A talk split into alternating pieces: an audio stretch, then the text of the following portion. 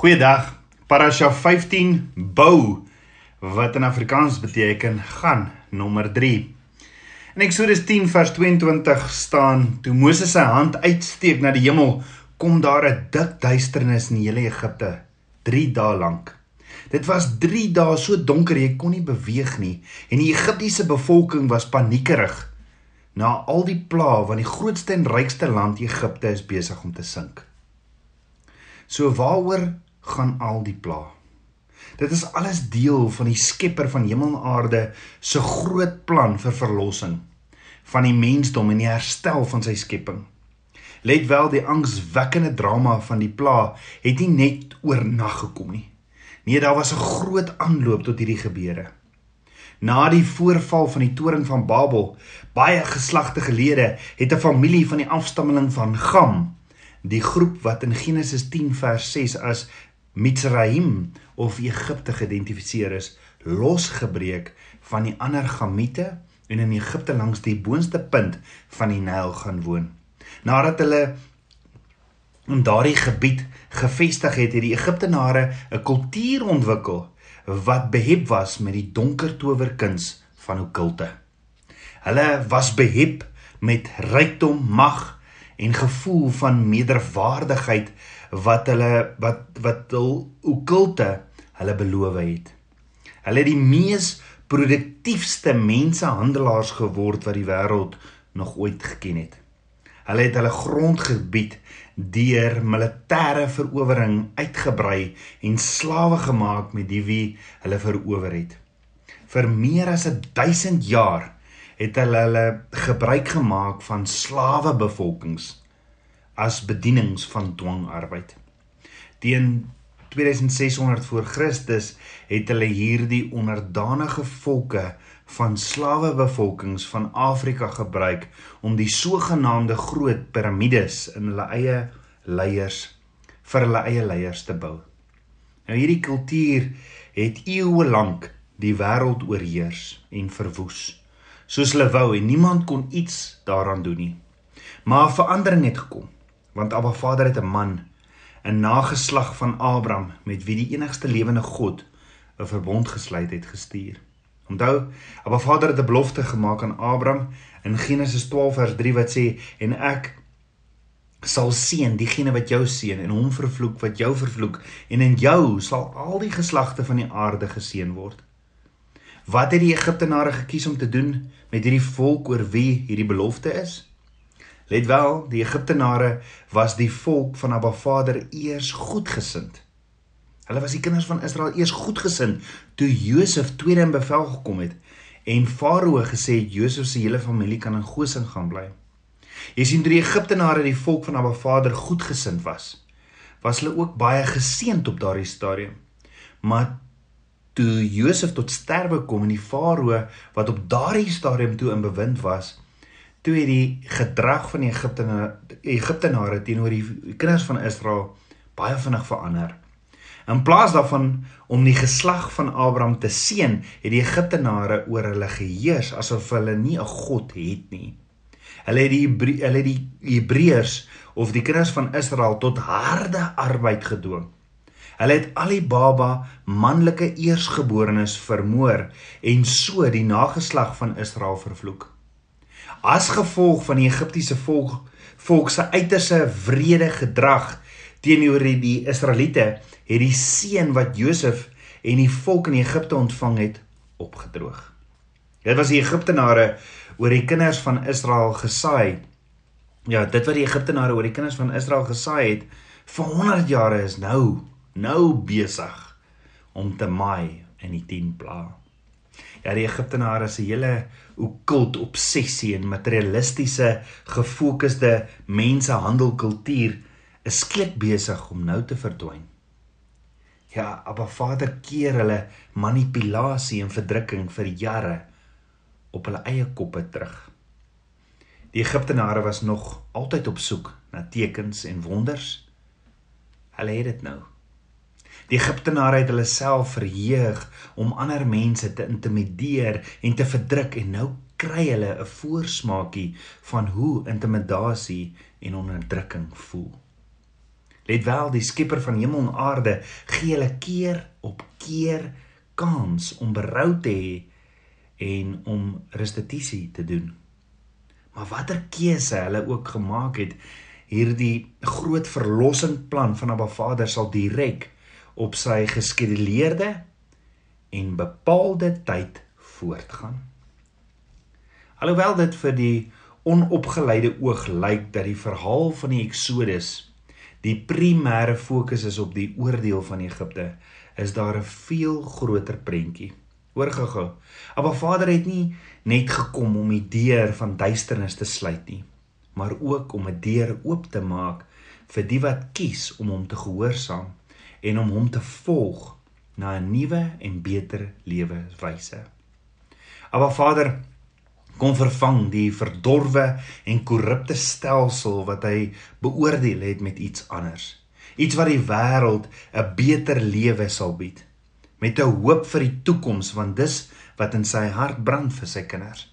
So wat leer Abba Vader ons? Sy kinders en al hierdie. Abba Vader stel bekend 'n Shema leefstyl.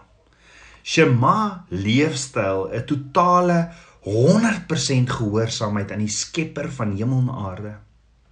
Abba Vader se verlossingsplan gaan oor sy kinders wat sy stem Shema.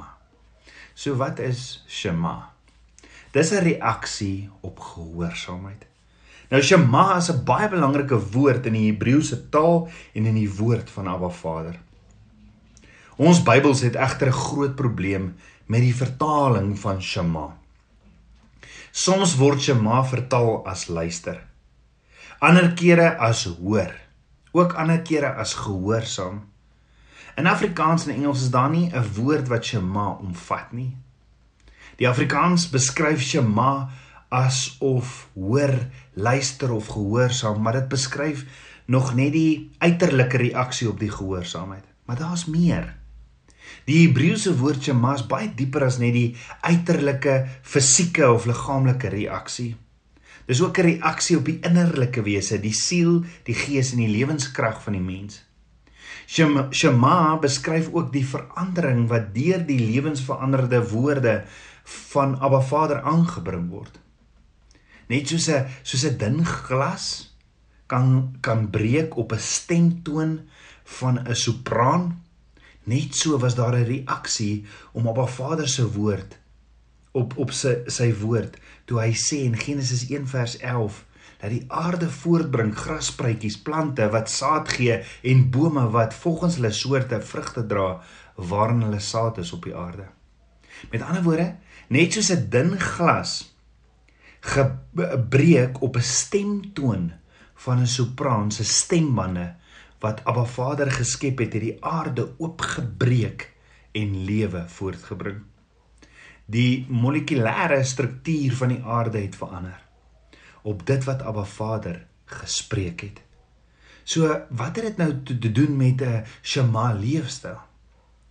Neem in ag dat wat die plantjies gedoen het in 'n reaksie op die woord of stem van Abba Vader op dag 3 van die skepping, dat dit nie net luister, hoor of gehoorsaam was nie. Nee, dit het eerder te doen met 'n shama leefstyl. Die plante en bome het nie net gedoen soos aan hulle gesê is nie, nee, hulle het hulle het ook gereageer op die manier wat die hele natuur of aarde verander het op die woord of op die stem van 'n Vader het daar interne transformasie plaasgevind. Net so as siele instem met die stem van 'n Vader kan lewens getransformeer word deur die fluister van 'n Vader se woorde.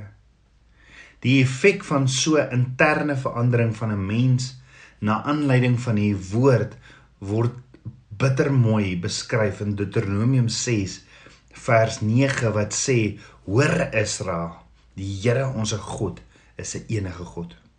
Daarom moet jy die Here jou God lief hê met jou hele hart en met jou hele siel met al jou krag. En hierdie woorde wat ek jou vandag beveel moet in jou hart wees en jy moet dit jou kinders inskerp en daaroor spreek as jy in jou huis sit en as jy op jou pad is en as jy gaan lê en as jy opstaan. Ook moet jy dit as 'n teken bind om jou hand en dit moet as 'n voorhoofsband tussen jou jou oë wees en jy moet dit op die deurposte van jou huis en op jou poorte skrywe. So hier gesien kan word, soos hier gesien kan word, as die woorde van Abba Vader in jou vibreer of resoneer, het dit 'n duidelike uitwerking in jou lewe en op ander, op jou kinders. Jy sien as die woorde van Abba Vader verwelkom word in die hart van 'n Shema persoon, dan vind daar transformasie plaas soos wat 'n mostersaad wat 'n groot boom word. Dit is egter ook baie meer as blote gehoorsaamheid. Gehoorsaamheid is net een fisiese resultaat van Shema, maar daar's nog vele meer. Let wel, gehoorsaamheid kan ook voortspruit uit uit ander bronne en met ander motiverings. Jy kry sommige mense wat gehoorsaam uit 'n begeerte om te manipuleer. Dan kry jy ander gehoorsaam wat sal gehoorsaam wees uit vrees. Dan kry jy ander wat gehoorsaamheid is uit onverskilligheid. Maar waaroor Shema gaan is die transformasie wat binne jou plaasvind op die stem van Papa God. Met ander woorde, in plaas daarvan om te doen wat reg lyk, of wat ander sê of wat godsdiens sê of selfs wat mense dink is dit om te shema wat Abba Vader sê. Soos in Deuteronomium 6 beteken shema om aandagtig te luister. Om te erken as jy hoor. Waardering het omdat hy met jou praat en om met jou hoor. Met die gevolg is om dan baie aandag te gee as Abba met jou praat daaroor te mediteer dag en nag totdat daar totdat daar fisies gedoen word wat jou verander en wat ook ander verander om jou. Henog en Noag het 'n Shema leefstyl gehad.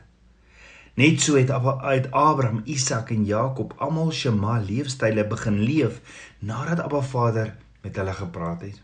So kan jy verstaan wat Abba Vader besig is om te doen met die slawe van Egipte. Kan jy dink hierdie kinders wat in Goshen bly, hulle sien al hierdie tekens. So kan jy dink wat het in hulle wat wat het hulle gedink is besig om te gebeur? Want Abba Vader is besig om die slawe van Egipte, die kinders van Israel, hoofsaaklik die kinders van Israel, maar ook baie ander mense wat saam met Israel uit Egipte getrek het te omskep in 'n volk wie se lewens die proses demonstreer soos in Deuteronomium 6. Abba Vader is op die punt om 'n Shema volk te skep. Die vraag is Tabernakels kind van Abba. Sal jy Abba Vader Shema al is dit so bietjie uit jou gemaksone, so bietjie uit jou gewoontes uit? Sal jy Abba Vader gehoorsaam oorgaan in reaksie as hy vir jou begin leer dinge wat dalk so bietjie uit jou gemaksone of uit jou gewoontes uit is?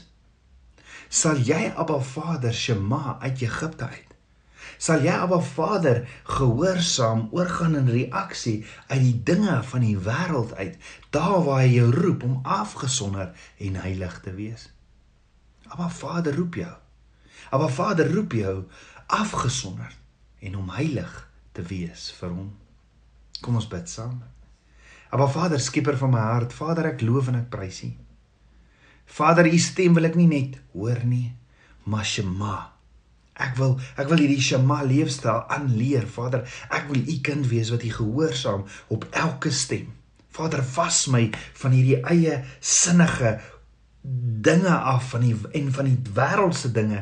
Ek wil ek wil u stem hoor, Vader. Ek wil saam met u wandel in intimiteit. Ek wil reageer en transformeer op u elke woord. Vas my van enige iets wat keer dat ek u nie 100% gehoorsaam nie. Abba, leer my net die waarheid. Open my oë en ore meer en meer van u geheimenisse. Ek bid dit alles in Yeshua Messie se naam, die seun van Jahweh. Shalom.